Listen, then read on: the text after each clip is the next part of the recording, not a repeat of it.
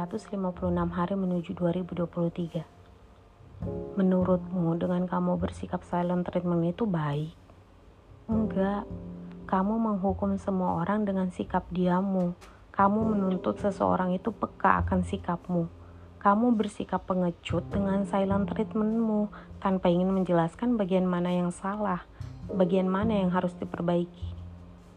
Sedangkan kamu sendiri menyadari manusia punya batasan kemampuan memahami.